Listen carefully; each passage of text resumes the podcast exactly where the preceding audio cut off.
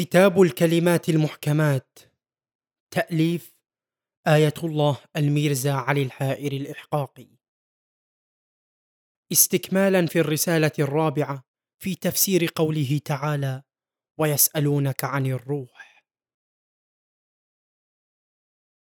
ارتباط الروح بالجسد. قوله سلمه الله وكيف ارتباطها بالجسد الإنساني؟ أقول اعلم أن ارتباط كل عال بسافل وكل علوي بسفلي وكل غيب بشهادة بل كل باطن بظاهر لا يكون طفرة بل إنما يرتبط بوسائط ذوات جنبين ووجهين أو ذوات طرفين طرف أعلى وطرف أسفل وتسمى الوسائط برازخ في الاصطلاح. مثلا عالم العقل وهو عالم المعنى. عالم الجبروت لا يرتبط بعالم النفس وهو عالم الصور عالم الملكوت إلا ببرزخ وهو عالم الأرواح عالم الرقائق. ليس في الإجمال كعالم العقل ولا في التفصيل كعالم النفس وكذلك عالم الملكوت. كلية لا يرتبط بعالم الأجسام عالم الملك إلا ببرزخ وهو عالم المثال. وجهه الأعلى مع عالم الملكوت ووجه الأسفل مع عالم الملك والأجسام. وكذلك العرش الذي هو أول عالم الأجسام له محدب ومقعر. محدبه ألطف من مقعره يتلقى الفيض بأعلاه وبمقعره يوصله إلى الكرسي. وهكذا الأفلاك هي برازخ بين الكرسي والكرات وتأثيرها في السفليات بالكرات. إلى أن يصل إلى الأرض ومن الأرض بالأبخرة المتصاعدة منها والنازلة مطرا حتى يكون نباتا ويكون ثمرا.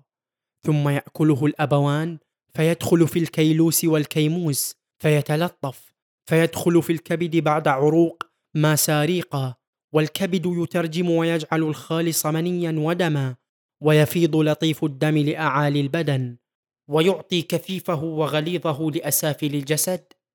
أيضا بالوسائط وهذا المني بتوسط الكليتين وآلات التناسل بوسيلة قوة الشهوة ينصب في الرحم فيكون نطفة فعلقة فمضغة وكسوة لحم ثم إنشاء خلق آخر أي تلج الروح الحيوانية بتوسط ذلك البخار اللطيف المساوي في الاعتدال والصفاء لذلك القمر المشابه له المتعلق بالدم العلقي في تجاويف اللحم الصنوبري فعند الولادة الدنيوية تتعلق الروح الإنسانية بالبدن فالجسم مركب الروح النباتية والروح النباتية مركب الروح الحيوانية والروح الحيوانية مركب الروح الإنسانية.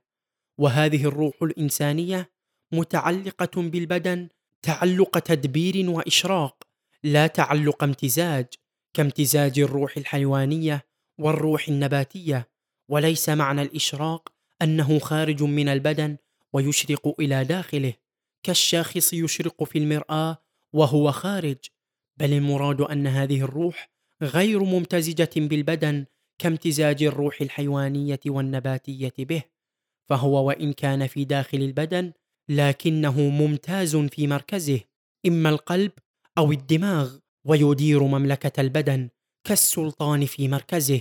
وليس بممتزج بالبدن. فافهم. والحاصل أن الروح الإنسانية لا تتعلق بالجسد راسا بلا واسطة بل تتعلق بالروح الحيوانية والنباتية. وكذلك الروح الحيوانية لا تتعلق بالجسم بلا روح نباتية. فالروح النباتية واسطة لتعلق الروح الحيوانية وكلتاهما واسطتان لتعلق الروح الإنسانية المجردة. عند القوم ومن قال لك إن الروح النباتية تترقى فتكون روحا حيوانية في الحيوان وتترقى الروح الحيوانية فتكون روحا إنسانية في الإنسان فقد أخطأ فاحشا وقد حقق فساده في شرح العرشية وغيره. فراجع. كيف تفارق الروح الجسد وكيف تتنعم أو تعذب؟ قال سلمه الله تعالى وعن استقامتها في عالم البرزخ الذي هو من حين مفارقتها للجسد إلى يوم القيامة. وكيف يمكنها التنعم أو ينالها العذاب وهي روح مجردة؟ أقول اعلم وفقك الله تعالى قال النبي صلى الله عليه وآله كما تنامون تموتون وكما تستيقظون تحشرون. إذا نام الإنسان تخرج روحه بجسم مثالي أي أن الروح تنتزع من البدن جسما شفافا لطيفا مثاليا فتطير إلى ما تريد لأن الروح لا تستقر بلا مركب فمركبه هو هذا الجسم المنتزع من هذا البدن فتمضي إلى أي مكان تشاء أو أي بلد تريد فتكشف عن الأمور المستقبلة والأمور الماضية وإذا استيقظ يرى في اليقظة عين ما يرى في الحلم أو تأويل ما رأى فيه بشرط ألا تكون الرؤيا متولدة من أبخرة المعدة بل كانت من الرؤيا الصادقة التي هي جزء من سبعين جزءا من النبوة كما في الأثر. وقد بين في محله شروطها وقتا وحالا. ولدى الاستيقاظ تأتي تلك الروح مع الجسم الشفاف المثالي بواسطة الريح المتصل إليه فتنطبق على بدنه فيستيقظ. والموت نظير النوم. إذا مات الإنسان تنتزع الروح من جسده جسما مثاليا شفافا كما تنتزع الحية قشرها والجراد من قشره. فتمضي الروح بالجسم المثالي إلى جنة الدنيا إن كان مؤمنا. فيتنعم هناك إلى نفخة الصور الصعق. لا إلى يوم القيامة. كما يتنعم في الرؤيا بالجسم المثالي وإن كان كافرا وفاسقا تمضي روحه إلى جحيم الدنيا والبرهوت فتتعذب هناك بجسمه المثالي إلى نفخة الصعق نفخة الجذب لا إلى يوم القيامة كما تتعذب في الرؤيا. والفرق بين النوم والموت أن في الموت تقطع الروح علقتها كليا من الجسد فتخرج وتخرج الروح الحيوانية والنباتية فلا علقة ولا حركة ولا نمو بخلاف النوم فإن العلقة موجودة فيه والروح الحيوانية على حالها والبدن في النمو أو الذبول. هذا حال روح الميت.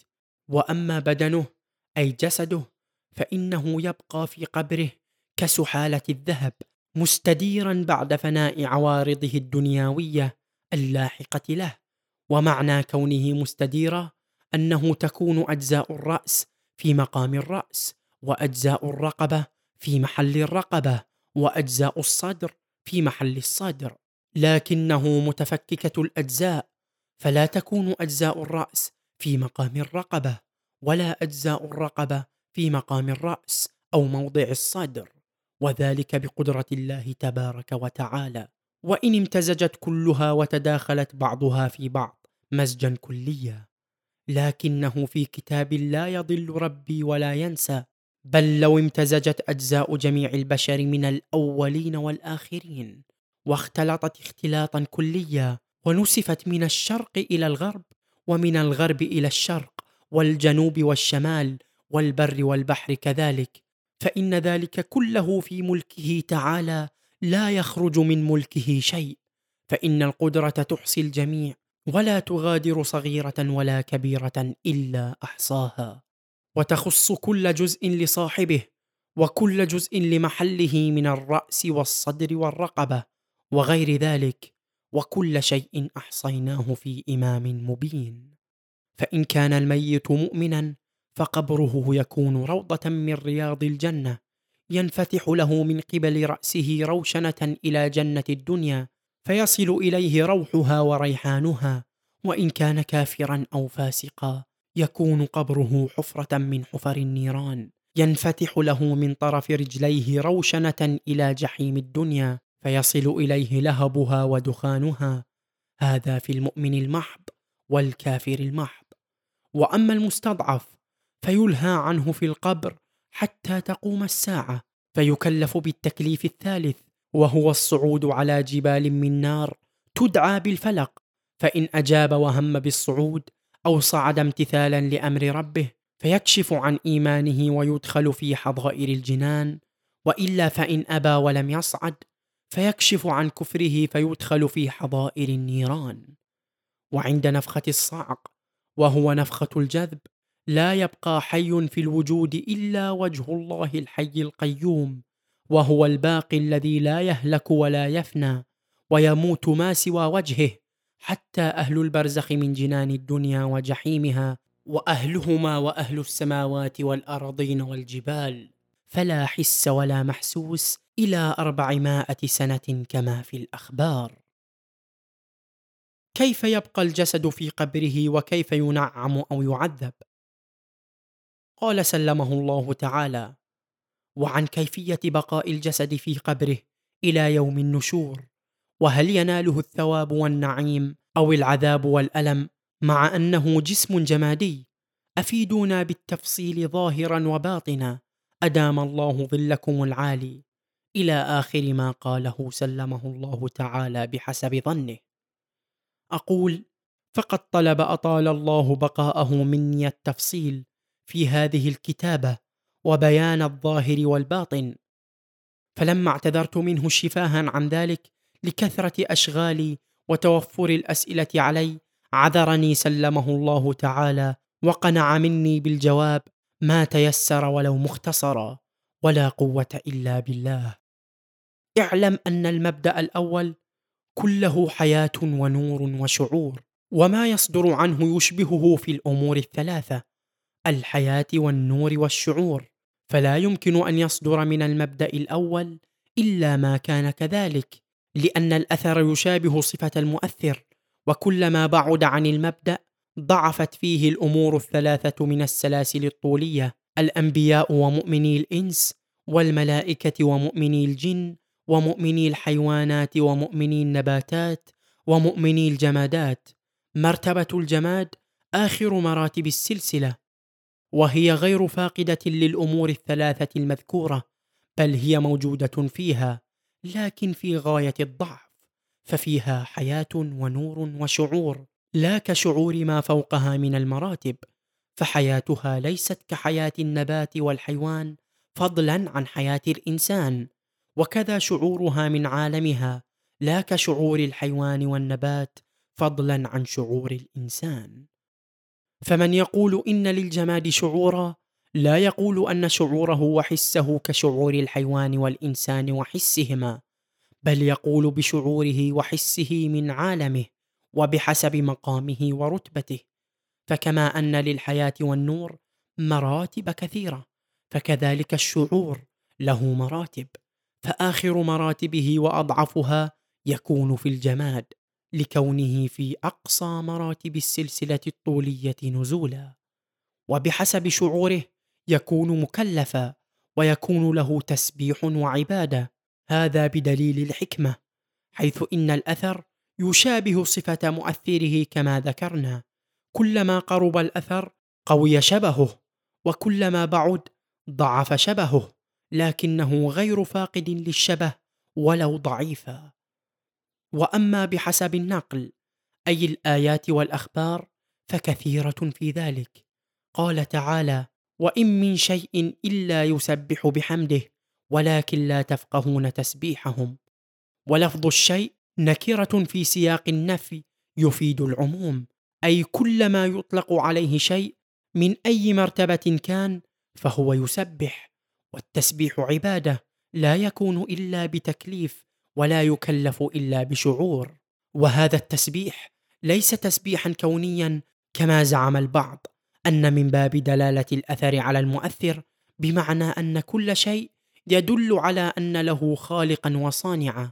لأن هذه الدلالة ليست مما لا تفقه بل هي دلالة واضحة لكل أحد ويفقهه كل ملتفت فقوله سبحانه ولكن لا تفقهون تسبيحهم أوضح شاهد على أن هذا التسبيح هو تسبيح تشريعي تكليفي وتسبيح خاص بشعور وإخلاص ولكن لا يفقهونه لا تسبيحا كونيا حاليا. وقال تعالى في سورة الحج ألم تر أن الله يسجد له من في السماوات ومن في الأرض والشمس والقمر والنجوم والجبال والشجر والدواب وكثير من الناس. قد أثبت للشمس والقمر والجبال والجماد كلها وللشجر والدواب سجودا والسجود عبادة ولا تكون إلا بتكليف ولا يكون التكليف إلا بالشعور ولولا أن الأشياء المذكورة لها إدراك وشعور من عالمها وفي رتبتها لما صح نسبة السجود إليها والقول بأن هذا السجود هو السجود التكويني أي دلالتها على المؤثر وكونها آية للصانع وليس بسجود تشريعي قول خال عن الصواب والتحقيق لأن قوله تعالى وكثير من الناس يدفع هذا القول لأن الناس كافة حتى الكافر والمشرك يدل على وجوده وعلى صانعه وعلى المؤثر فكلهم خاضعون تكوينا لربهم لا كثير منهم فقط. فقوله سبحانه وكثير من الناس ثم تعقيبه بقوله وكثير حق عليه العذاب. أقوى حجة لما قلناه لأن معنى قوله وكثير حق عليه العذاب أي لم يسجدوا لله ولم يخضعوا له وضلوا عن طريق العبادة أنهم لم يأتوا بالعبادة التشريعية والسجود التكليفي العبادي. فلذا حق عليهم العذاب والسجود التكويني مساوق لوجود كل مخلوق فجميع الخلق فضلا عن جميع الناس بلا استثناء. وجودهم يدل على صانعهم وخالقهم وعلى مؤثرهم وموجدهم. مؤمنين كانوا أو كفارا أو مشركين. وكلهم ساجدون وخاضعون ومسبحون تكوينا. وإلا لما دخلوا في عرصة الكون ولما صاروا موجودين. وكلهم متساوون في حكم التكوين بحكم قوله تعالى كان الناس أمة واحدة وبقوله تعالى أتينا طائعين وإنما اختلفوا وكانوا شيعا في الحكم التشريعي لقوله تعالى فاختلفوا وقوله تعالى فبعث الله النبيين مبشرين ومنذرين فهذه الآية أي آية السجدة المذكورة حجة قاطعة لإثبات الإدراك والشعور للمذكورات فيها من النبات والجماد والدواب بحكم إثبات العبادة التشريعية لها. وقال أيضا عز من قائل في آخر سورة الأحزاب إنا عرضنا الأمانة على السماوات والأرض والجبال فأبين أن يحملنها وأشفقن منها وحملها الإنسان فالعرض على السماوات والأرض والجبال وإبائها من حملها وإشفاقها منها لا تكون إلا للشاعر المدرك ثم الإتيان بنون الجمع المؤنث العاقل في قوله فأبين ولم يقل فأبت وقوله أن يحملنها ولم يقل أن تحملها وأشفقت منها دليل الشعور والإحساس من عالمها ورتبتها من الوجود. فيكون تكليفها بحسبها وعبادتها بحسبها. وقال تعالى أيضا ثم استوى إلى السماء وهي دخان. فقال لها وللأرض ائتيا طوعا أو كرها.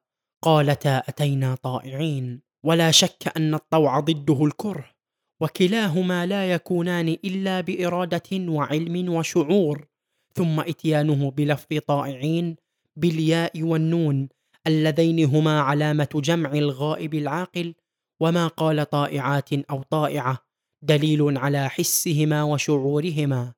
ولو تدبرت كلام الله المجيد لرأيته مشحونا بما يدل على المراد والمطلوب كقوله تعالى في سورة ياسين وكل في فلك يسبحون أي وكل من الشمس والقمر في فلك يسبحون بالواو والنون. ولم يقل سابحة أو يسبح.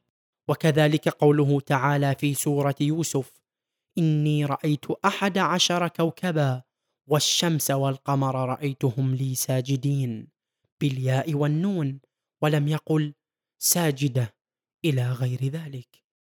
وكذا الأخبار ففيها مما يدل على حس الجمادات وشعورها ما لا يحصى كثرة. كتسبيح الحصيات في كف النبي صلى الله عليه وآله وحنين الجذع اليابس وبكاء الحجارة وجريان الدموع منها في مضي النبي مع أخيه أمير المؤمنين عليهما السلام إلى الطائف وبكائها في رجوعها من الطائف وجواب الحجارة لأمير المؤمنين لما سألها بأمر النبي مما ولم بكاؤك؟ قالت في البكاء الأول عند مضيها إلى الطائف لخوفي أن أكون حجارة جهنم التي في الآية. وقالت في البكاء الثاني لسروري لما بشرتني أني لم أكن تلك الحجارة إنما هي حجارة كبريت. وكذا تكلم الحصيات الثلاث لداود عليه السلام حين مضيه إلى طالوت لقتال جالوت. إلى غير ذلك مما يجدها المتتبع كثيرا حتى أن الحمى التي هي من الأعراض أيضا لها حس وشعور لما خاطبها إمامنا الحسين عليه السلام في عيادته لعبد الله بن شداد بقوله يا كباسة! فسمع الحاضرون الصوت وما رأوا الشخص يقول لبيك! فقال عليه السلام لها ألم يأمرك أمير المؤمنين الا تقربي إلا عدوا لنا أو مذنبا لكي تكوني كفارة له؟ فما بال هذا؟ فالخطاب لا يصلح إلا لما يعقل ويحس والجواب لا يمكن إلا ممن يحس ويشعر. فإذا ثبت بما ذكرنا من البرهان والأدلة أن الجماد له حس وشعور من عالمه وإن كان حسه بالنسبة إلى الحيوان والإنسان ضعيفا جدا كلا حس. عرفت أن له نعيما أو الما وعذابا من عالمه. فالأجساد في حفرها تتنعم وتتعذب بحسب ما عندها من الحس والشعور كما مر تفصيله. سؤال ما ذنب الأجساد في العذاب والألم؟ وإنما هي اكتسبت الملاذ الجسدية والمعاصي البدنية بأمر الروح وسلطتها ولولا الروح ما تمكنت من عمل أصلا ولا اكتسبت شيئا بوجه. الجواب نعم الأمر كما ذكر. لكن الروح أيضا وحدها لولا الجسد ما تمكنت من الملاذ البدنية ولا صدر منها شيء من الطاعات ولا المعاصي الجسدية أصلا. فهما أي الروح والجسد مشتركان في العمل فلولا الروح فالجسد ميت لا حراك له ولا اقتدار له على شيء أبدا. ولولا الجسد فالروح خامل لا عمل له وإنما عمله بهذا الجسد. إنما يبصر أو يسمع بالجسد أو يبطش أو يمشي أو يخطب أو يستغيب بالجسد أو يصلي أو يسرق أو يزني بالجسد.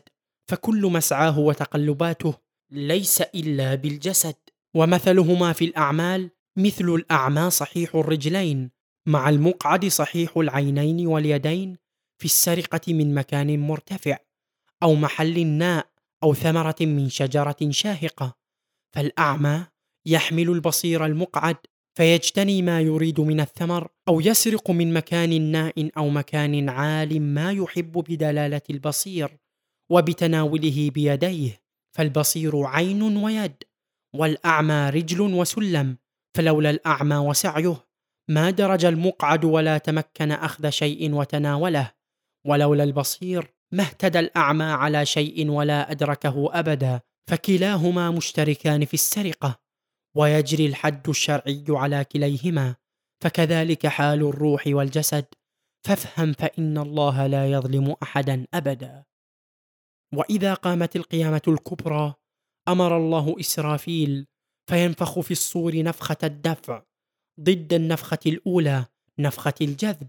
فتمطر الأرض من بحر صاد ورائحته كرائحة المني وتربو الأرض وتمخض مخض السقاء.